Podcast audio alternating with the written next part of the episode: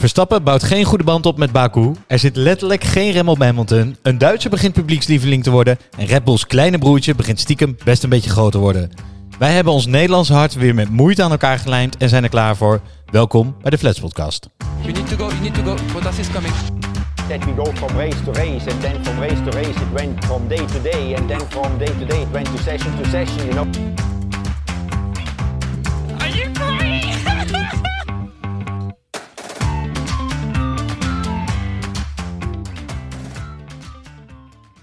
Hallo allemaal en welkom bij de zesde aflevering van de Flats Podcast, waarin de meest amateuristische experts van Nederland je bijpraten over de zin en vooral onzin van de afgelopen Grand Prix aan de hand van zes meegebrachte items. Voordat we gaan, eh, verder gaan, ik heb Peter tegenover me zitten en eh, ja, we hebben heel Zeker. goed, we hebben heel goed en heel slecht nieuws. Het hele goede nieuws is, Peet, jij zit vanaf nu in het vaste team van de Flats Podcast. Ja, absoluut. Blij mee. Wat een eer. Daar ben ik En- heel dankbaar voor. Precies op tijd, want eh, iedereen zal zich al afvragen waar blijft Pien. Maar ja, Pien is er deze Ja, week even waar is niet. ze dan? Ja, ze is, op, eh, ze is op werkbezoek, kunnen we zeggen. Vakantie slash werkbezoek op Paul Ricard in Frankrijk. Ah, moet ook gebeuren. Ja, moet ook gebeuren. Is er dus een weekje niet. En eh, ik zat me dus wel te bedenken, wij zijn ook meteen twee trieste dertigers die hun eigen podcast hebben nu. Ja, zoals de speld al voor, eh, voorspeld heeft. Hè? Ja, dat Zoals de wat we moeten spel. doen. Precies. En nu moeten we dus zonder, zonder dat keffertje op rechts of links. Ja, ja, Wat, maar wat stiekem toch wel heel leuk is, moeten wij hier toch wat leuks van zien te maken. ja. Nou, Pien, we missen je nu al. Ja, echt. Ja, je merkt, het valt meteen stil. Eh, Peter, hoe was jouw weekend? Ja, wel lekker. Ik bedoel, eh, mooi weer. Maatregelen raken wat versoepeld. En, en, een, en een heel mooi Formule 1 weekend. Ehm, ik moet zeggen, ik zet de zondagavond als klap op de vuurpijl op mijn sportweekend nog even het Nederlandse elftal aan. En dan ben ik toch wel blij dat we Formule 1 hebben en straks ook de Olympische Spelen. Maar goed, laten we hopen dat die mannen het ook wat beter gaan doen. Maar verder, eh, ja, uitstekend weekend, Bram. Ehm, eh, wat, eh, heb jij nog wat te melden voordat we gaan start gaan? Ja, ik zit... Nou, weet je, ik heb dus... ehm, ik heb vorige week, voordat we naar die race gaan... Ja, want oei, oei, het, het brandt, hè, om over de race praten. Oei, nog steeds even. Ja. een, een bloeddruk van... eh, ik weet eigenlijk niet wat hoog is, maar iets hoogs. Een hartslag van 180. Eh, maar ik heb dus vorige week Indy 500 zitten kijken. Ja, De, de, dat is dus Indy is IndyCar is zeg maar de Formule 1 van Amerika. En dit is dan een heel legendarische race. Ik denk, nou, ga toch even kijken. Was live op Ziggo. precies. Ik snapte er geen reet van. Maar dat, is, eh, dat zijn in die 500 zijn al die rondjes, toch? Zijn al die rondjes en ja, ik, ja, goed, dat zie je inderdaad. Maar ik snapte er echt helemaal niks van. 30 coureurs en mensen die tijdelijk meedoen. Ik snapte niet wie er aan het winnen was. En ik vond er dus echt helemaal niks aan. En toen bedacht ik me, er zijn natuurlijk ook mensen die met deze ogen Formule 1 kijken. En dat benadrukte voor mij weer een beetje het belang van wat we met deze podcast willen doen. Ja, Eigenlijk voor die mensen die af en toe die tv aanzetten, Max voorbij zien scheuren, het idee hebben en wel de notie van nou, hè, we hebben een potentieel wereldkampioen, dit is vet, maar het dan toch wel beter willen begrijpen. Daar doen we dat voor. Dus ik vond het ook heel motiverend om, om weer aan de slag te gaan en ook weer in deze aflevering weer die mensen weer een beetje mee te nemen in Formule 1. Ja, dat vind ik heel mooi verwoord. En, eh, want dat is wel zo. Een beetje basiskennis helpt absoluut bij de autosport. Dus eh, goed dat je dat gemerkt hebt. En eh, ja, het blijft een heel nobel streven wat we hier hebben. Dus ik, daarom Heel ik ook zo hè? graag vast aan hier. Ja. Wij gaan heel snel verder naar deze eh, Grand Prix, de Grand Prix van Baku. En het eerste punt, dat heb ik meegenomen. Ja, ik, ik, moeten, we, moeten we misschien nog even bij die Grand Prix als geheel stilstaan? eerst? ja, misschien wel. Want ik ben nog wel een beetje aan het bijkomen. ja. Ik weet niet of ik nu het gras voor jouw voeten ga wegmaaien. Maar wat, het was zo'n rollercoaster. En ik zal je zeggen... Hè, laat ik maar gelijk de deur in uit- huis vallen met de crash van Verstappen. Maar dus, ik heb dus mensen gesproken gisteravond... die daarna de tv hebben uitgezet. ja, Dus Verstappen crasht. ja. Mensen hebben de afstandsbediening eh, ingedrukt, dat ding tegen de muur aangegooid die zijn bier Ik heb, ik heb mijn bank tegen de muur aangegooid. Ja. Precies. En ik kom dus gisteren, mensen, gisteren aan twee mensen tegen in het park. En die zeggen, ja, ik, eh, ik ben naar Verstappen ben ik gestopt. Ik zeg, heb je Verstappen, Hamilton is niet in de punten geëindigd. Nou, hun bek viel open. Ja, Dus dus, die- voor, dus voor die luisteraars die nu luisteren, die hetzelfde hebben Ja, gedaan. misschien is dit nu ook wel een nieuwtje voor mensen. de primeur. Verstappen uitgevallen, maar Hamilton niet in de punten. Ongelooflijk. ja, ongelooflijk. Echt bizar. Ja, het was die rollercoaster die je zegt, die ik eigenlijk vorige week besproken heb, of vorige keer voor Monaco, over een heel weekend, had ik nu een zes rondjes. Ik ga nu wel echt naar mijn eerste puntje toe. En ehm, dat gaat voor mij over de strijd van het wereldkampioenschap. Want we weten natuurlijk, en dat hadden we in, vanaf de wintertest, hebben we het gevoel dat Max er goed bij kan zitten. Ja, Hij staat natuurlijk sinds vorige weekend, staat hij ook echt boven Hamilton. Staat hij op één in het voor het wereldkampioenschap. eerst. Ja. En ik vond dat je dit weekend voor het eerst ook heel goed de gevolgen daarvan kon zien. Dat het echt een strijd begint te worden. Dat begon met Toto, eh, Toto Wolff, teambaas van Mercedes. En Christian Horner, de teambaas van Red Bull. Die echt shit naar elkaar gingen gooien in interviews. En ik ik gaat maar door, hè? nou, het is eigenlijk meer begonnen. Weet je, het was altijd een beetje grappend. Maar nu begint het echt wel venijnig te worden naar elkaar. Het was niet fraai. Maar goed, dat hoort. Dan zie je dus, het begint echt te worden. Ze krijgen echt die venijnigheid. Dat zit erin dat ze vier punten van elkaar losstaan Ja, in ja. het wereldkampioenschap. Tweede vind ik, waar je dat heel erg aan zag, was toen Verstappen uitviel. Want in principe is gewoon de regel, uitvallen in een seizoen, dus een nulpunten finish, is gewoon geen wereldkampioen worden. Dat vertelde jij me net. En ik weet niet zeker of daarmee eens ben, maar ik snap Ja, wat je zegt. Normaal ik- is dat een ik- enorme impact. Ik zal dat even eh, toelichten, want hij, en je zag het ook aan Max en je merkte het ook aan Olaf Mol. Eh, Hij is wel vaker uitgevallen op één. En Ja. dan finishte hij die race niet, dan won hij die race niet. Zwa, weet je wel, volgende race weer. Maar nu, zat zoveel emotie ook in de reactie van Max, omdat dat wereldkampioenschap Klopt. mee aan de tellen is. En je, je, eh, waarom dat telt, ik, ik heb even opgezocht wanneer Hamilton dus voor het laatst een nulpunten finish heeft gehad. En hij heeft wel echt slechte races gehad. Ja. Dus mensen zullen meteen denken aan eh, Duitsland, de regen, dat hij eraf ging. Hij is dit jaar in de regen natuurlijk nog afgegaan. Italië, ja. Eh, er, is, er zijn wel meer, er is nog een weekend ervoor. Maar eigenlijk de, de allerlaatste nulpuntenfinish voor Hamilton was in 2018. Dat is drie jaar geleden. Hij had 54 races op rijende punten gereden. Ja. ja bizar. En dat is dat team, Mercedes, wordt ook Das Haus genoemd. Gewoon omdat het zo in en in stabiel is. En wij denken natuurlijk op het moment dat, dat Max uitvalt... eh, oh, dit zal Hamilton ook wel een keer gaan overkomen dit seizoen. Maar dat overkomt Hamilton dus nooit in een seizoen. Klopt. Dus dat was die, die rauwe emotie die loskomt van... oh, nou daar gaat je wereldkampioenschap. Punt. Eén band. En verdomd, één ronde later doet Hamilton dus wat hij dus nooit doet. En dat is een hele grove fout maken, waardoor hij in een nulpunten finish komt. Ja, en hier breng je wel op een heel interessant volgend punt. Het is, want het is een bizarre wending geweest. Hè? Eh, ik stond op de bank, letterlijk. Hamilton die gewoon de race weggooit bij die herstart. Eh, maar is het een fout? Dat vind ik nog wel een, een interessante stelling. Hè? Toto Wolff heeft gezegd, eh, het is niet zijn fout. Want hij, blijkt per ongeluk een, een knopje op zijn stuur omgezet te hebben... waardoor die rembalans niet goed zat. Maar wat mij betreft dus wel. Het is wel een fout. Die, die banden waren ook zo ontzettend warm. De boel stond allemaal in de rook. En volgens mij is, is het dus inderdaad een persoonlijke fout. Wat dus ook echt uniek is voor Hamilton. Ik ben het met je eens. Nou, laten we even... Ik heb twee fragmentjes even meegenomen. Eentje van Hamilton op het moment dat die race bijna opnieuw gestart wordt. Dus ze staan nog in de pitstraat, hij is in die auto gekomen. Ja. En zij, hij heeft het met zijn engineer, met Toto Wolff, over die herstart. Dat moet je even luisteren. You gotta remember that this is a marathon, not a sprint, so gotta be measured in how aggressive we go. Yeah, copy Lewis. Absolutely agree, Lewis. Dit is dus, hij zegt letterlijk, it's a marathon, not a sprint. En hij zegt eigenlijk, ik ga niet te agressief in die eerste bocht. Want hij weet of ik nou eerste, tweede, derde of vierde word, het maakt niet zoveel uit. Ik sla een gigantisch gat naar Max toe. En dan komt, en nu snap ik, denk wel een beetje waarom ik snap waarom Toto net eh, die quote heeft gemaakt die jij net zegt. Want Hamilton is verslagen naar die. Ik heb hem nog nooit zo down gezien. En je hoort het in zijn eerste boordradio, moet je even luisteren. Did I have magic on? Yeah, yeah, just knock that off. I could have sworn I turned it off. Yeah, you did, uh, but knocked it on uh, with the upshift. Maar die stem inderdaad, alsof hij op de IC ligt in het ziekenhuis. Ja, alsof hij 30 peuken heeft gerookt. Oh man. In die twee rondes, toch? Ah, en dat vind ik een terecht punt van je. Hè? Dus dit is, we hebben al een paar keer afgelopen race gezegd, eh, eh, de druk op Lewis wordt groter en we gaan Ja. het zien. Maar dit is, dit is niet eerder vertoond. En hij was echt gebroken. En dan snap ik ook wel dat Toto zegt, hij heeft geen fout. Natuurlijk heeft hij een fout gemaakt, want hij heeft de knop ingedrukt die hij niet in moet drukken. Dus hij heeft die knop in. Dus wat er gebeurd is, voor iedereen die niet weet. Hij rijdt weg en hij drukt een knop in, waardoor eigenlijk zijn remmen worden uitgeschakeld. Dat gebruiken ze in die opwarmronde. Dat doet hij per ongeluk. Ja, rembalans eh, naar voren, dus de voorbanden. ja. maar hij, eh, hij drukt hem wel in. Het is wel een fout. En Ja. Toto zegt wel dat het geen fout is om die druk weg te halen. En dat snap ik als ik hem zo hoor. Maar het is wel een fout. En dan krijg je dus de, de, de, vraag die nu veel gesteld wordt. Is de druk op Lewis Hamilton toch zo groot dat hij het niet kan handelen? Wat denk jij? Ja, ik heb geen idee. Ik ken hem niet.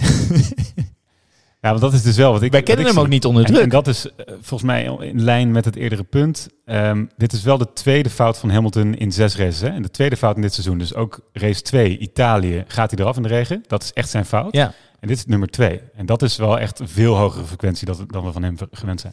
Ja, maar dat is, en dat heb ik ook wel eh, een paar races geleden gezegd. Ik, eh, Verstappen maakt die fouten net zo goed, hè? Dus die, eh, die safety car, die, ehm, Ja. ik geloof in Italië, dat hij er bijna afspint. Ja, hij spint er niet af en we lachen erom. Maar voor hetzelfde geld spint hij er wel af. En hij crasht hem nu ook in Q3, vlak voor de kwalificatie. Ook hij, het, ik, ik denk dat ze allebei daar last van hebben, Ja, eerlijk ja. gezegd. Het is een historisch weekend hoor. De Baku 2021, daar ga, je, daar ga je over een paar jaar op terugkijken. Want dit had inderdaad veel bepalend kunnen zijn. Ik wil niet zeggen alles bepalend, maar het had een enorme invloed kunnen hebben als Max uitgevallen was en Hamilton 1 of 2 was geworden. En nu, nu zijn er twee ongelofelijke dingen gebeurd in, in een paar ronden tijd. En dat gaat echt, dit, dit, dit blijft, dit ga je over vijf, eh, tien jaar nog in YouTube feed krijgen. Ja, Deze absoluut. samenvatting. Absoluut, helemaal mee eens. En eh, over druk gesproken, wat me dus ook wel weer opviel, en je zag het in de Ziggo-studio, maar ik merk het ook bij mezelf, de opluchting van het Nederlandse publiek dat Hamilton crasht. Terwijl, en dan ga je weer, drie seizoenen geleden, maar had ons dat niet uitgemaakt. Nee, Max ligt eruit, punt. Hij wint die race niet. Maar wij zijn allemaal zo bezig met dat wereldkampioenschap. 100% En vergeet niet, Max is 23. Ik weet niet wat jij deed op je 23 Ik weet eigenlijk wel wat jij deed op je 23ste. Wij waren niet bezig. Ja, Ja, wij kennen elkaar uit de eh, studententijd uit Delft. Wij waren niet bezig om wereldkampioen te worden in een Formule 1 kampioenschap. En, en dat hele land is nu wel, die verwachtingen zijn torenhoog. Ja, en, d- eh, zeker. En ik moet ook zeggen, toen Hamilton eraf ging, heb ik als, als bij een, een, een goal in, in, een, eh, in de halve finale WK heb ik staan juichen. Ja, hè?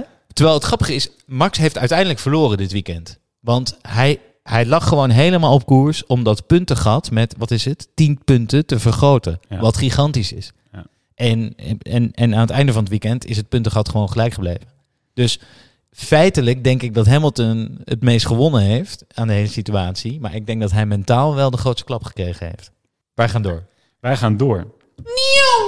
Ja, en hoewel eh, Pien niet bij ons kan zijn, nu hier in de studio, voor de, eh, of studio zeg ik, ja, we zitten hier ook maar een beetje. Fysiek. Zit ook een beetje in mijn woonkamer, als we heel eerlijk zijn. Hebben we het toch weten te regelen dat we erin kunnen bellen eh, voor haar rubrieken. Ja, toch? Hallo Pien, hallo. Ja, Onze ja, pit reporter op locatie. Ja, ik ben, Mooi. ik ben alvast afgereisd naar Frankrijk om even op tijd in alle quarantaine te gaan voor de volgende Grand Prix. Heel goed, Pien. Klasse. Ja, Geen wat- Hoe risico's. is het daar? ja eh, eh, gezelligheid alom. We weten niks, we hebben geen humor. eh, en we hebben eigenlijk al geconcludeerd dat we twee mislukte dertigers zijn met een eigen podcast. Zonder jou, maar sfeer is top. Pien, we gaan even door naar, eh, naar jouw rubriek. En dat, de eerste rubriek is Buiten de Baan.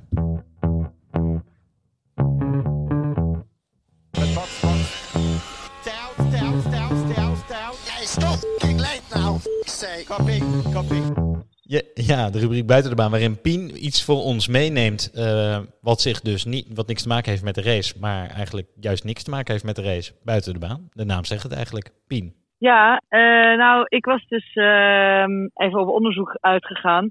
Want eh, Bottas heeft natuurlijk eh, zijn vlucht gemist. Voor de mensen die niet weten wat daar is gebeurd. Bottas die had wat problemen met het vliegtuig, dus die kwam later dan de rest aan in Baku. Meestal komt hij ook later dan de rest aan in de paddock als hij dan klaar is met racen. Maar nu dus ook daadwerkelijk in het land zelf. Meestal komt hij ook wat Eh, later aan in de race. Mijn buiten de baantje is eigenlijk niet eens dat hij zijn vlucht heeft gemist, eh, maar dat hij ook volgend jaar waarschijnlijk de boot gaat missen. De geruchten gaan dat Russell twee jaar heeft getekend bij Mercedes. Oeh. En dat betekent toch wel echt, eh, dat verklaart een aantal dingen. Het schijnt bijna officieel te zijn. Het zijn wel Russische bronnen. Dus eh, je, je moet je maar afvragen hoe erg die te vertrouwen zijn. Maar ja, twee jaar bijgetekend voor Russell, dat betekent exit voor, eh, voor Bottas. Het zou wat zijn. Ja, ik moet zeggen, het, het zou ergens ook wel terecht zijn, toch? De chemie lijkt er wel een beetje uit. De chemie lijkt er zeker uit. En Bottas rijdt ook als een natte krant zijn rondjes. Dus zeg maar, sorry, dat, het, het off-weekend dat hij gehad heeft dit weekend, dat was beschamend. Maar vooral zijn antwoorden in de media, dat hij zei, I just can't go any faster. Top, dankjewel Pien. Eh, wij komen zo meteen nog even bij je terug voor eh, jouw tweede rubriek die je bij ons hebt. Dus tot zo. Ja, en dan gaan wij door naar, wat mij betreft, iemand die heel veel lofzang verdient. Dat is Sergio Perez. Want eindelijk zou je kunnen zeggen, eindelijk heeft Red Bull zijn gewenste steady nummer 2. Na jaren van Albon en Gasly, waar Max te weinig steun had voorin, is er nu een serieuze, volwassen coureur. ja, die, die, die dus gewoon, ook als Max uitvalt, eh, Red Bull eh, eh, trots kan maken. En hij lost zijn belofte in. Wat mij betreft heel bijzonder. Hij zegt, ik heb vijf races nodig om er te staan. En jawel hoor, hij wint race 6. En wat dat betreft is dat een beloning voor Red Bulls beleid. Hè, waar men altijd jonge coureurs opleidde in dat tweede team. En door liet stromen hebben ze nu voor ervaring gekozen. En betaalt zich gewoon uit. En wat mij betreft precies wat Red Bull nodig had. Ehm, eh, ook om die druk op Mercedes zo hoog te houden. Want ik ben er dus van overtuigd dat Perez mede, een mede aandeel heeft gehad in die fout van Hamilton. Ja, helemaal eens. En hij, dus- drukt hem in die eerste, hij drukt hem in die bocht echt wel de fout in. Precies. Hij is, ze gaan met z'n twee op die eerste bocht af bij die Het, herstart. echt, het was een heel ander verhaal geweest als eh, Hamilton daar weer op één had gestaan. Bottas op twee. En, en Hamilton en die weet echt wel, Bottas gaat me niet Dus. Max en Red Bull mogen toch wel echt eh, op hun blote knietjes gaan zitten dat, dat Perez nu onderdeel van dat team is. Want Ja, hij en wat staat ik, ook- weet je wat het ook... ehm, ja, natuurlijk wint hij die race. Daarvan kan je zeggen, nou, er valt een hele hoop uit om hem heen. Maar hoe hij die hele race lang Hamilton in zijn spiegels weet te houden. Want met ehm, zowel Gasly als Albon was het, kwam het wel eens incidenteel voor. één keer per seizoen, dat, die dan, dat zij dan voor Mercedes zaten. En dan was het hopen, hopen, hopen. één keer knippen met je oog. Ah, die Mercedes heeft, is het toch alweer voorbij. Maar dit is dus al jaren niet vertoond. Hè? Dat Nee. Max een teamgenoot heeft die zeg maar de buffer is naar de nummer drie of de rivaal van eh, Verstappen in dit geval. Dat is Perfect. En een knetter zenuwachtig. Als jij een eh, zevenvoudig wereldkampioen op een seconde in je spiegel Ja, hebt zitten. Maar dat kan niet, hè? Perez is de man van de zondagen. Ja, Zondagskind. Het is zondags. De laatste 1 hij, mag wel, hij mag wel meer een zaterdagskind worden van mij. Ja, zeker. Zou voor mij ook nog wel een stuk relaxer zijn. Maar ik ben blij dat het ook een zondagskind is. Maar de laatste 1-2 voor Red Bull, hè, jongens, even voor de statistiek, is 2016. Moet je nagaan. ja. En dit is, dit, dit is zo En hij gaat komen dit seizoen. Ja. Hij gaat komen. We weten, ik bedoel, hij heeft het nu echt laten zien. Je kan niet, je kan misschien wel een race winnen eh, die heel raar is, hè? maar je kan niet Hamilton een halve race achter je houden als je niet goed bent. En hij is, hij is dus Exact, gewoon goed. Wat mij dus heel erg opviel, dan eh, eh, dit, dit is, dit moet, er moet zo'n explosie van emotie bij hem zijn geweest, omdat hij dus die finish haalt, omdat hij eindelijk wint, omdat hij zijn belofte inlost, et weet ik veel, zo, omdat het een Mexicaan is, weet ik veel waarom. En dan moet je even horen hoe die teamradio gaat, die boordradio, vlak nadat hij over die finish is. Let op. Thank you, Sergio. Tough day for the team to lose a 1 2, but you made up for it with a great drive today. Congratulations on your first win for us. Well done.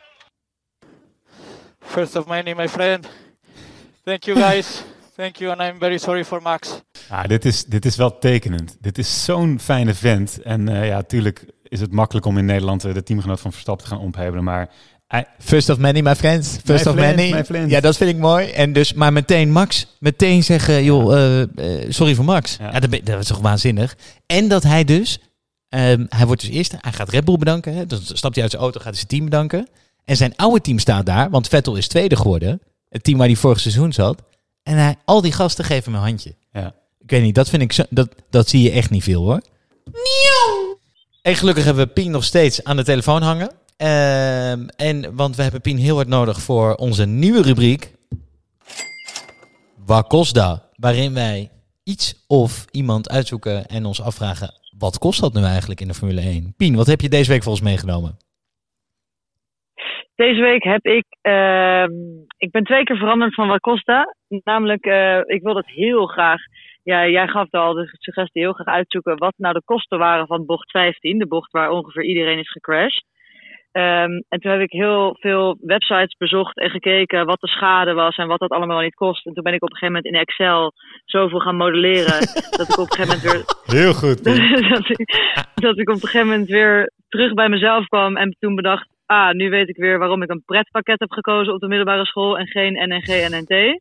Maar, ehm, dus toen ben ik maar teruggegaan naar iets wat wel wiskundig iets beter in mijn straatje ligt. En dat is namelijk Perez.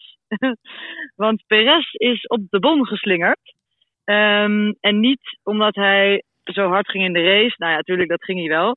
Eh, maar tijdens de kwalificatie heeft hij te hard door de pitlane gereden. Want je mag daar maar 80 km per uur.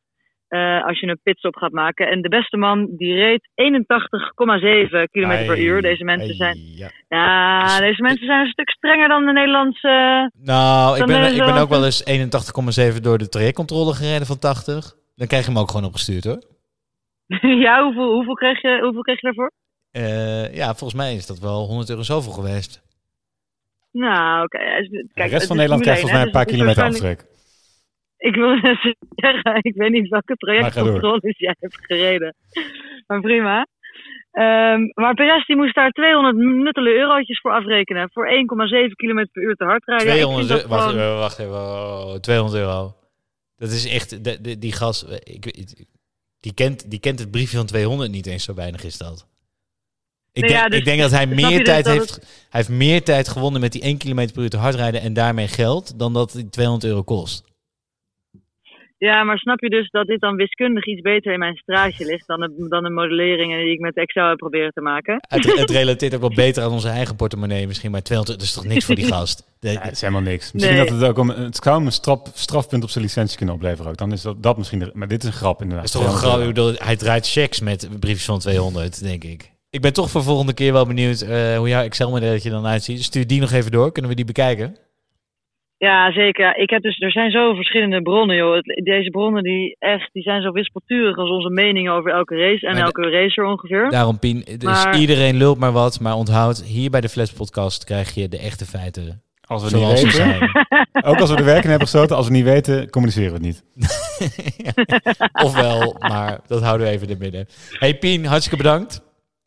Hé hey, jongens, heel veel plezier daar, hè. Volgende keer eh, ben ik er gewoon weer bij, hopelijk. Oké.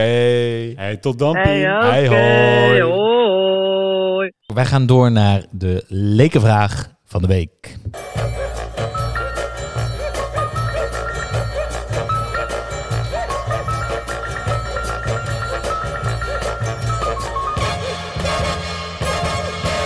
I am stupid. I am stupid. I switch off everything.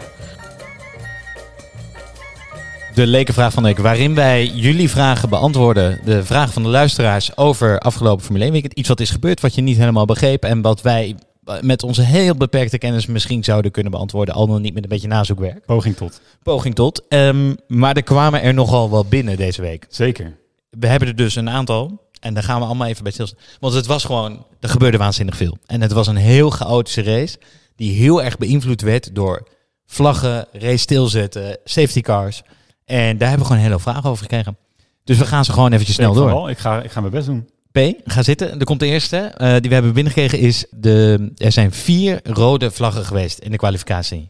Nou, dan, ten eerste, wat is die rode vlag? En waarom gebeurt dat zoveel in die kwalificatie? Ja, rode vlag betekent dat er eigenlijk een auto of heel veel onderdelen van de auto na een crash op de baan liggen, waardoor de race eigenlijk gewoon stil wordt gelegd. Ja, een race of kwalificatie wordt stilgelegd. Nou, je, eh, er zit, in de race heb je nog een stapje ertussen en dat is een safety car. Dus dan gaat er een auto langzaam voorrijden, zodat iedereen achteraan kan rijden en dat ze die zooi op kunnen ruimen. In de kwalificatie kan dat natuurlijk niet, want je hoeft niet langzame rondjes te rijden in de kwalificatie. Dus ze hebben die tool niet, dus je ziet dat ze vrij snel naar die rode vlag grijpen op het moment dat er een auto op de baan staat. En wanneer het een stratencircuit is, zoals Baku, staat er dan helemaal vaak een auto op de baan. Dat was vier keer wel heel veel hoor, ook voor Baku Ja, was heel veel. Dus ik snap de vraag. De tweede vraag die binnenkwam. Verstappen crasht en Stroll crasht. Ongeveer identiek. Je zou, eh, het resultaat zag ook vrij identiek uit. Maar bij Stroll wordt er dan een safety car ingezet. Maar bij Verstappen komt er een rode vlag en wordt die race dus stilgelegd. Waarom was dat verschil? Dat heeft te maken met de duur van de race die nog resteerde. Dus Stroll is ergens halverwege de race gecrashed. En men kon op dat moment wel eh, ruim in tijd, zeg maar, in ieder geval voor het einde van de race, eh, de boel opruimen. Dat was niet een dermate gevaarlijke situatie dat op dat moment rode vlag nodig was. Bij Verstappen was het anders. Zaten we ongeveer 5, 6 laps voor het einde van de race. En als dan de safety car, de gele vlag, was ingesteld, hadden ze misschien zelfs achter een safety car over de finish gegaan. Nou is dat niet ongebruikelijk, dat is eerder gebeurd. Maar de raceleiding heeft er eigenlijk voor gekozen, in voor het belang van de sport, laten we rode vlag doen. Iedereen naar binnen, zodat in ieder geval de kans was dat men racend de, de race kon uitrijden. Oké, de volgende vraag is dat in sommige gevallen was de pitstraat gesloten terwijl ze achter de safety car zaten. Maar in andere gevallen is dat dan weer niet het geval. Dus wanneer gaat die pitstraat dan dicht? Wanneer mogen ze niet meer pitten? Dat heeft eh, te maken met de locatie van de crash. Dus je zag dat Stroll, die crashte op het lange stuk, ook nog eens aan de linkerkant van de baan. Dat is vlak bij de pitingang. En daarom werd in dit geval dichtgezet. Dus je kan dus soms niet stoppen als de crash gewoon... Precies. Het is eigenlijk heel logisch. Stroll zat gewoon in de weg daar. Ja, staat gewoon in de weg. Klaar. Oké, en dan was de laatste vraag die we binnenkregen. Dus we gaan naar die rode vlag situatie. Moet die race weer herstart worden? En soms doen ze dat zoals ze nu deden door weer te parkeren in de, op de grid en gewoon weer te starten met de lampen. En soms doen ze dat door van achter de safety car gewoon te starten. Waarom, wanneer doen ze nou het een, wanneer doen ze nou het ander? Ja, dat is wat mij betreft een combinatie van eh, de entertainmentwaarde eh, in reglementen verwerken. Maar ehm, laten we zeggen dat de staande start nog niet eens zo heel lang geldt. Het is een optie om te gebruiken. Ehm, maar wat mij betreft is het antwoord op deze vraag dat de FIA in de loop van de jaren regels heeft ontwikkeld die gewoon bijdragen aan de entertainmentwaarde. En in dit geval was dus ook eh, het resterend aantal ronden nog van belang. Dus nog twee ronden op de klok. Dan kun je met een safety car gaan doen. Dan heb je eigenlijk nog maar één ronde om te racen. Dus het was en kort, nog een kort aantal laps te gaan. En wat mij betreft is die regel van staande start naar rode vlag ook ooit bedacht voor totale verhoging van de entertainmentwaarde. Ja, nou kijk, die rode vlag, het is vrij uitzonderlijk. Hè? Dus we zien het wel heel vaker de laatste tijd. Maar ehm, toen ik vroeger Formule 1 keek, nooit een rode vlag. Echt nooit. Nou, dan was het tenzij echt, eh, weet ik veel, eh 15 auto's gecrashed waren met elkaar. En, en er gewoon echt niemand meer langs kon op de baan. Dan deze wel zijn rode vlag. Vroeger was het gekker, hè? Kon je ook eh, benzine tanken en eh, vloog je pitstraat in de fik en dan ging je nog steeds door. Ja, dat gebeurde ook. Ja. Nee, en, dan, en dan werd er geen rode vlag gegeven hoor. nee, dus we zijn wat dat betreft, en misschien wel goed, dus veiliger geworden. Ja, Maar mooi, dus eh goede vragen. ja hele goede vragen. even, en, en ook een race waar een hele hoop in gebeurd is. Dus hopelijk hebben de mensen weer een stukje wijzer gemaakt. En gaan we verder met het volgende punt. En dat is, eh, en ik had het misschien wel mijn ode van de week moeten maken, maar het is het team van Alfa Tauri. Want Vertel. ja, dit is toch, het is genieten. En ik begin met Pierre Gasly. Historie van Pierre Gasly is natuurlijk dat hij eh, gepromoveerd is naar het grote zusterteam Red Bull. Compleet gefaald is, mentaal gebroken is door Helmut Marko en na een half seizoen weer teruggestuurd is naar Alfa Tauri. Waar hij zich zo waanzinnig bij elkaar heeft geraapt. Vorig seizoen al race gewonnen. En hij zit er dit seizoen gewoon op een paar schoonheidsfoutjes na. Gewoon op een manier bij dat je zegt, nou, hij doet bijna mee aan de top. Ja, ja zeker. En hij wordt nu derde. En, En hij heeft. En wat jou ook opviel was zijn kwalificatie. eh, ja, want eh, vierde werd hij hè, in de kwalificatie. Ja, met, met, ja. Ja, nee, klopt. Eh, Nee, ja, en hij heeft dus inderdaad in die kwalificatie, hij had twee keer paars in die sector. Zonder toe, zonder... eh, En dan in die derde sector, wat gewoon één groot lang stuk eh, flat, eh, zeg maar, vol gas geven is, daar, daar, daar je, won je gewoon een seconde door achter iemand te zitten. En hij had niemand om achter te gaan zitten. Dus daardoor werd die ronde vier. Maar in principe was het een pole position kandidaat met zijn rondje. En dat is wel schrikken. Want dit is, Alfa was in principe, ja, heel af en toe reden ze in de punten, zeg maar, een paar jaar geleden. En dan was je blij. En jij hebt volgens mij eh, nog, nog een mooi fragmentje van... eh want Gasly heeft voor mij heeft al de gunfactor, maar dat geldt ook voor wat mensen in dat team, hè? Klopt dat? Ja, zijn engineer. Kijk, normaal is dus een engineer, dus de, degene met wie je praat in je team als coureur, dat is één persoon meestal. Eh, dat zijn vaak hele rustige mensen die die coureurs heel erg tot rust manen en heel veel kalmte uitschalen. Dat, we hebben al eens vaker laten horen met Schumacher hoe lief die man is. Ja. Bij Gasly hebben ze niet een hele goede engineer aangenomen. Hebben ze per ongeluk zijn grootste fan aangenomen. Hij zit ook in onze intro, dus dit eh, You Need to Go, You Need to Go, dat is zijn engineer. Pierre Maar- Hamelin. Pierre Hamelin. Nou, en hij is nu, hij heeft, hij heeft weer een waanzinnige, en we moeten hier vaker op gaan letten eigenlijk. We moeten meer mee gaan brengen in komende afleveringen. Maar we gaan nu even luisteren naar het verkeer tussen Gasly en zijn engineer aan het einde van de race. Toen Gasly net derde is geworden.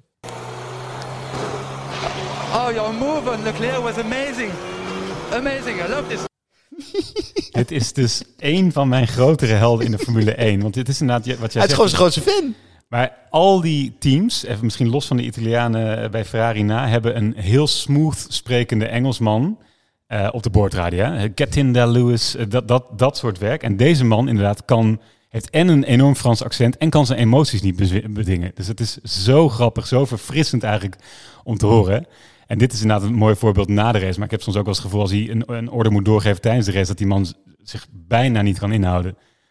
En gewoon, en gewoon eh, het wordt hem te veel soms. Ja, we moeten vaak wat van hem meebrengen. Ehm, en de, de tweede coureur van Aftaro wil ik ook even benoemen, Tsunoda. Die heeft dus een, een waanzinnige entree gemaakt in de eerste race. Met als rookie in de punten, dat gebeurt niet veel. En is toen eigenlijk heel diep gezonken. Klopt. Ehm, en ik vind dat eigenlijk niet. En hij wordt nu dus weer zevende. Eh, en Red Bull heeft keihard ingegrepen bij de jongens. Ze hebben hem verplicht laten verhuizen van Milton Keynes naar Italië, naar waar het fabriek zit en waar die teambaas woont. En die teambaas heeft hem eigenlijk gewoon een rooster voorgeschreven van eh 10 tot 11 Engelse les, 11 tot 12 Bizar. vergadering op de, op de fabriek. Ja, bizar aan de ene kant. Aan de andere kant, dit is dus... Deze jongen komt uit Japan. ehm, en is net 21 geworden. Nou, we hadden het net over wat je deed toen je 23 was. Wat deed je toen je 20 was? Ja, ik, ik, ik, ik, weet niet wat ik. Ik denk dat ik net uit de luiers kwam, bij wijze van spreken. En deze jongen moet dus vanuit Japan naar Europa verhuizen op zijn twintigste. Eh moet zich helemaal wegwijs zien te maken eh, in, in Europa en daar een heel nieuw leven in zijn eentje opbouwen. Ehm, en staat ook nog eens een keer in de spotlight van een wereldsport. Want laten we niet vergeten, over de hele wereld kijkt men Formule 1. Maar deze actie lijkt dus effect te hebben gehad. Hè? Het is voor mij echt een, een, een vrij extreme actie. Eh Dr. Helmoet Marko is wel een beetje berucht inderdaad om jonge coureurs het leven... Nou, of heel veel druk op te leggen, maar in dit geval willen ze nog helpen. Maar het is best wel een extreme maatregel. Maar hij rijdt dus wel gelijk in de punten. Nou, er zal in ieder geval wat mediatraining bij zitten. Hè? Want hij, eh, hij is nog wel eens wat fel en onbevangen op de teamradio. Ook dit weekend. Ja, maar hij is 20. Ja, ja. Oh, ja. Wat ik in ieder geval hoop voor de media, als we dan toch nog even die linken naar afmaken, is dat hij wel inderdaad wat meer Engels les, les krijgt. Want dat is soms dus wel echt een beetje een pijnlijk ding na die races. Die Tsunoda spreekt dus echt niet zo heel goed Engels. Dus die kan ze ook nog eens, ook nog eens heel moeilijk verstaanbaar maken. Nee, dus dan ga je schelden. Ik begrijp het eigenlijk wel. Ja. Ja, nou, dus misschien is het wel goed wat, eh wat eh Alfa Tauri heeft gedaan. Laten we hopen dat zijn resultaten daar in ieder geval een mooie boost van krijgen. Ja, en dan, oké, en dan als laatste, om even te benoemen, is die teambaas Frans Toost. Dat is geen grap, maar die heet echt Toost. Dat is een hele gemoedelijke, ook weer lieve man. Die al sinds jaren en dag dat team leidt. En die heeft dat team dus... Het, het is het oude Minardi. Minardi was in 1985 zijn die in de Dat Formule 1 ik dus niet. gekomen. Die hebben 20 jaar lang eh, in de Formule 1 gereden. Daar hebben ook nog wat Nederlanders gezeten, geloof ik. Ja. Eh, volgens mij heeft Albers daar gezeten. Eh, echt het lelijke eentje van de Formule 1. Eh, een beetje... Is dit dat team wat nog door Spijker is overgenomen voor een jaar? Zou ook kunnen. Weet ik niet. Dus dat moet ik ook weer even nazoeken. Maar op een gegeven moment komt het dus in handen van Frans Toost. Nou, en dan moet je dus, hij is het opleidingsteam hè, voor Red Bull. Er wordt niet zoveel van hem verwacht. Hij moet gewoon die jonge coureurs moet hij goed begeleiden en dan klaarstomen voor het echte zusterteam Red Bull.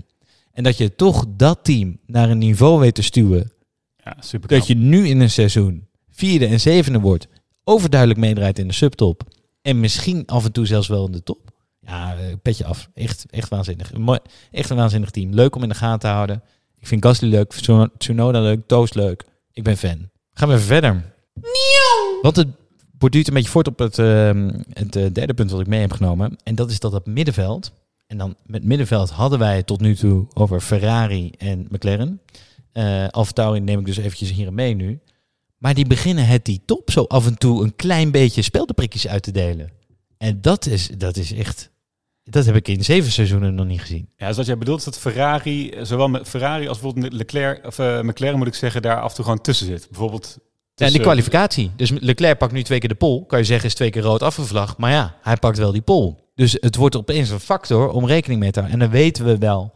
Het is waarschijnlijk snelheid over een rondje. In die race doen ze niet echt mee. En dat zag je ook. Maar het, het, het begint op te borrelen. Er beginnen prikjes uitgedeeld te worden. En ik zeg wel zeven seizoenen niet. hè, Maar Ferrari was natuurlijk de top. Dus die moeten eigenlijk terug naar de top. Maar McLaren, dat die daar zitten. En dus dat Alfa Tauri, ja. Ehm, ik ben heel benieuwd hoor. Of dit, of dit, als dit zo doorgaat, deze lijn. Dan, Ja, het is- dan gaan, zij, gaan zij een rol spelen in die titelstrijd waar we het net over hadden. Het is waanzinnig voor, eh, voor de competitie, eh, waanzinnig goed. Bij Ferrari is het eigenlijk wel opvallend. want Die hebben dus aangegeven, hè, 90, 95% van onze focus ligt op volgend jaar. En daar beginnen nu wat geluiden te komen van, moeten we niet alsnog wat meer focus op dit jaar leggen, jongens? Want Het gaat eigenlijk best lekker. Supergoed. ja, en, en volgens mij, als, eh, dat was een bizar moment in volgens mij die Q3-kwalificatie. Want mede Sainz was betrokken bij die laatste rode vlag. Waren overigens twee crashes in dezelfde bocht. Ja. Maar in plaats van dat men eh, zat te balen over Sainz, zag je dat team echt opspringen. Oh, maar wacht even, dat betekent gewoon dat Leclerc gewoon weer pol heeft gepakt. Ja, wel bizar dat hij twee keer op rij pol pakt door twee keer een rode vlag. Ja, Maar ze spelen mee. Ze doen mee. Ze worden een factor. ja super knap en, en, eh, en heel leuk. Ja, dus het is, eh, het is krap, knap, krap ook op die derde plek. Hè. Dus Ferrari nu 94 punten, McLaren 92. Het is gewoon, er wordt ook hard geknokt. Ehm, wij gaan door naar de volgende Dark Horse. Ja, en dat is eh, Sebastian Vettel, jongens. Dat, daar moeten we toch even wat aandacht aan geven. Want, Ja, eh, alweer hè, want de twee weken geleden ook. Maar Ja. we kunnen er gewoon niet omheen. Maar onze Duitse vriend start gewoon op P11 en rijdt naar P2. Nou is Baku voor hem een circuit waar hij graag komt. Hij is nooit lager geëindigd dan P4, maar dan toch is het een enorme verrassing. Mooie inhaalacties van Vettel. Daar zien we toch dat ervaring nog steeds zijn waarde heeft. En ja, wat, wat ik heel mooi vond hier is dat hij toch wel een aantal echt lastige, minder leuke jaren heeft gehad. Bij Ferrari heeft hij vijf jaar gezeten. Niet kunnen brengen uiteindelijk de prestaties die, eh, waar, waar men eh, op, op hoopte en misschien ook wel rekende. En eh, ja, dan is het zo mooi om Vettel ehm, nu met de lach op zijn ja, op zijn gezicht te zien. Want hij bloedt helemaal op. En daar hebben wij volgens mij een heel mooi fragment van. Maar Vettel is ook weer een beetje de oude grappenmaker aan het worden. Eh, Oh, oh, blijft een Duitser, dus het blijft wat ongemakkelijk Eh, als hij grappen grappige maakt. Duitser. Ja, hij wordt ook steeds grappiger. Nou, de, de, de, de FIA die heeft dus, eh, ik weet niet welke idioot dat al bedenkt, maar die hebben dus nu bedacht van als iemand een driver of the day wordt, Mhm. dan gaan ze live bij diegene in, nog terwijl die in de auto zit, gaan ze diegene interviewen. Dus die moet zijn motor nog uitzetten. En dan komt er inderdaad een, eh, een, een vrouwelijke interviewer. Die gaat in de auto, terwijl jouw team daar staat te wachten om te feliciteren, gaat zijn interview starten. Ja, dan moet je even, eh, even luisteren hoe die dat oplost. Sebastian Vettel, congratulations, you are driver of the day. Auto uit. Thank you. What Thank a you. race. Sum that one up for us. P2 from P11. on Yeah, it's amazing. I'm not, I haven't got much time to sum it up. I need to go to my guys, but uh, it's a bit weird. Wh- Who, who, who gave you my number? ja, dat is toch lekker. dat, dat je dat op dat moment weet te verzinnen vind ik lekker, ja. Het is echt wel een grappige gast. En hij lijkt, ja goed, nogmaals, hij lijkt zoveel relaxter. Who gave you my number? Ja, ik Hij- vind het vooral, ik bedoel, al dat gelul. Ik, ik denk dat hij namelijk wel weer slechte race gaat rijden, eerlijk gezegd. Want die Aston Martin is gewoon niet zo goed. Hij heeft nu twee straatcircuits, gaat goed. Maar ik vind het vooral mooi dat het zo'n publiekslieveling aan het worden is. Ja. Dat mensen hem gewoon een mooi fan vinden. Als dat dan de herfst van je carrière is, is ja, dat toch? ook goed? Ja, het begint eh, echt een... eh, en eh, hij heeft Duitse notabene, weet je. Dan heb je niet van nature de gunfactor. Het, wordt, het begint echt een cultheld een beetje te worden. Overigens moeten we daarbij zeggen, een Duitser die wel een woordje Spaans spreekt. Hè, want in een andere boordradio probeert hij Perez te feliciteren. En zegt hij, ja, eh felicidades eh, of Feliz Navidad aan Sergio Perez. Dus die went hem eigenlijk gewoon een vrolijke kerst. Maar nee, dit is... Vettel is... ehm, ja, eigenlijk zijn wij best wel veel publieksfavorieten zo aan het bombarderen op deze manier in deze show. Maar Nee, nee, ook nee. dit ja, is oh, een- favorieten van ons. Maar hij is echt, want hij wordt twee keer driver of the day. En heel internet barst los over hoe ze het Vettel zou gunnen. Hij is echt de publiekslieveling. Ja, mooi. Wij gaan door naar eh, de ode van de week. Even helemaal tot rust aan het einde van de show. De ode van de week waarin wij iets of iemand een ode gaan brengen. En Peter, dat kan maar één ding zijn. En dat is gewoon de Grand Prix van Baku. Jij wilde ode geven aan, een, aan het circuit zelf. Het circuit zelf. Want wat heeft het ons een hoop gebracht? Het is, ik, denk- ik was eigenlijk vergeten hoe waanzinnig dit circuit is. Maar het is, een, het is een bizarre afwisseling tussen langzaam en snel. Dus het is, dat midden, die middensector is eigenlijk zo langzaam als Monaco. Die derde sector is net zo snel als Monza. Klopt. Eh, het is een stratencircuit, maar je kan er toch inhalen. En je hebt die waanzinnige beelden. Weet je, zo'n circuit normaal gesproken is natuurlijk gewoon een, een strip asfalt in de woestijn. Ja, dat ga je volgend eh, race ook in Frankrijk zien. Ja. Ja, doodsaai. En nu, en ik, ik- op een gegeven moment werd ik helemaal afgeleid door het kasteel. En denk, of, weet je, ik zit die race te kijken. Nee, echt genieten. Voor mij mag er heel veel meer Baku op een kalender staan. Ja, en, eh, en bocht 15, hè, die zal iedereen wel bijblijven. Maar daar zijn zoveel coureurs ingereden.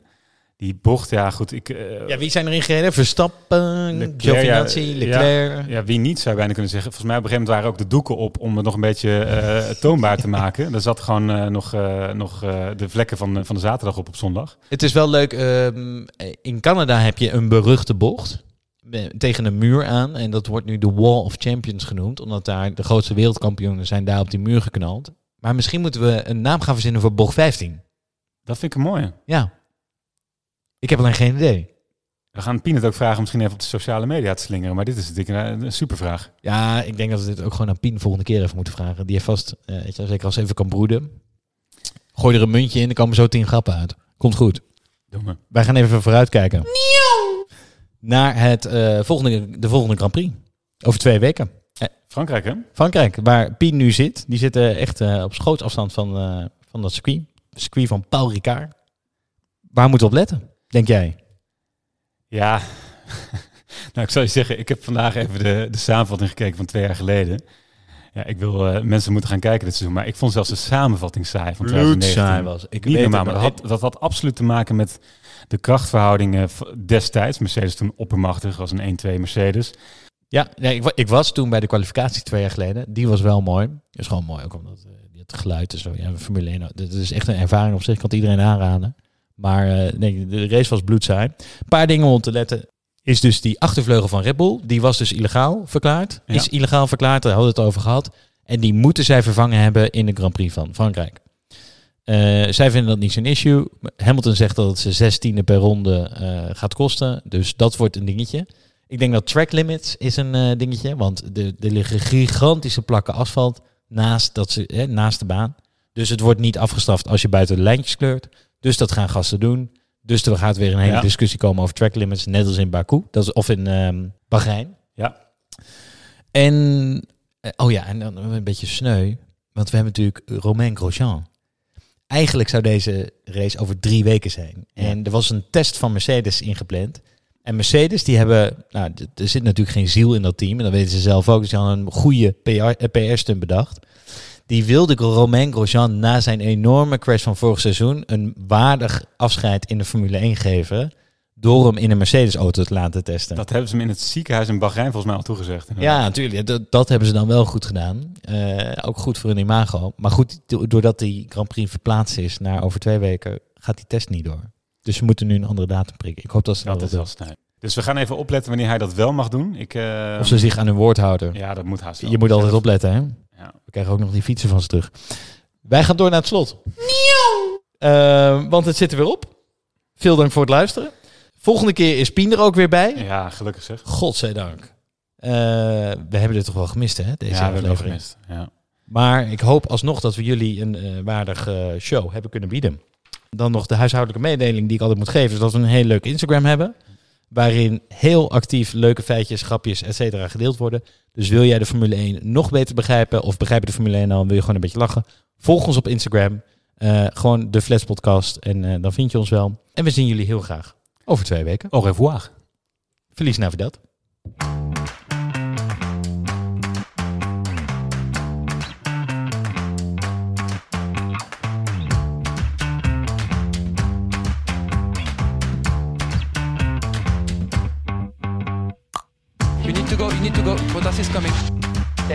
from race to race, and then from race to race it went from day to day, and then from day to day it went to session to session, you know.